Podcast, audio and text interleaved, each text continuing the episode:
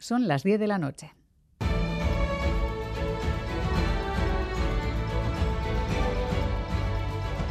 Radio Euskadi y Radio Vitoria. Servicios informativos. Repasamos los titulares de la jornada con John Fernández Mur, Gabón. Gabón, Miriam, noticias de este miércoles 15 de febrero en el que comenzamos hablando de economía. El alza de los precios no da tregua, el IPC ha vuelto a repuntar en enero. Y se sitúa en el 5,6% en la comunidad autónoma vasca. Los principales responsables de este repunte son tres. Los carburantes que han subido tras el fin de la subvención de los 20 céntimos, los servicios de telefonía e Internet que se han actualizado a principios de año y la ropa y calzado. La inflación se sitúa en el 6,4% en Navarra, territorio en el que sí ha descendido unas décimas. Además, el precio general de los alimentos sigue un 15% por encima respecto a hace un año y la que continúa disparada es la inflación subyacente, al igual que el dato que adelantó el INE, en enero se sitúa en el 7,5%.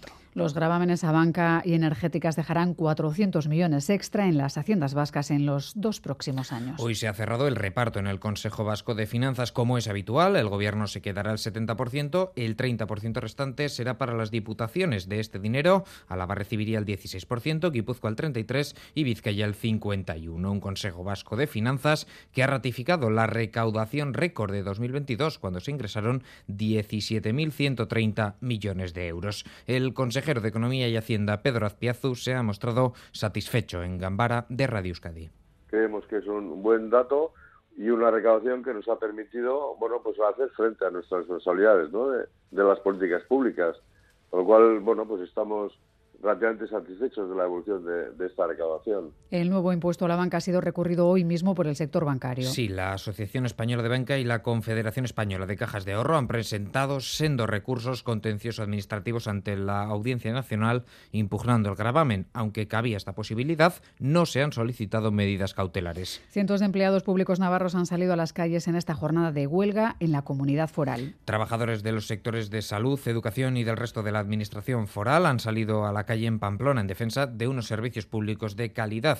Los sindicatos LAB, UGT, ELA, Comisiones Obreras, SAE y Estelas, satisfechos con la respuesta de la huelga, exigen al Gobierno de Navarra mejoras equitativas para todos, reducir la temporalidad, mejorar ratios y recuperar el poder adquisitivo perdido. Izay Bujanda, ELA, Jesús Elizalde, UGT. Esto demuestra el cabreo generalizado que hay en todos los ámbitos del Gobierno de Navarra, que había ganas de movilizarse. Nos parece bien que los médicos tengan mejoras retributivas, pero los demás no nos podemos quedar eh, sin nada, ¿no? Deben de llevar de forma equitativa a todos los colectivos.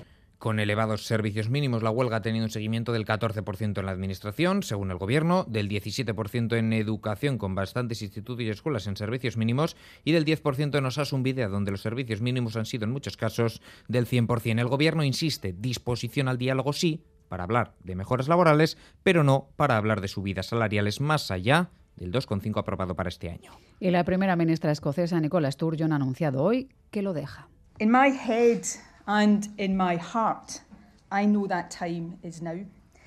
That it is right for me Nicola Sturgeon dejará tanto el cargo de primera ministra de Escocia como el liderato del Partido Nacionalista Escocés. Ha afirmado que no se trata de una decisión tomada por presiones a corto plazo y que no es tan repentina como parece, aunque el politólogo experto en Escocia, Daniel Cetra, nos ha asegurado en Gambara que la marcha de Sturgeon sí que es sorprendente. Dimisión totalmente sorpresa, totalmente. Parece que ha cogido por sorpresa incluso a muchos ministros y que solo sabía su círculo más cercano. Así terminamos. Más noticias en una hora y en todo momento en itv.eus y en la aplicación ITV Albisteac. Geruarte.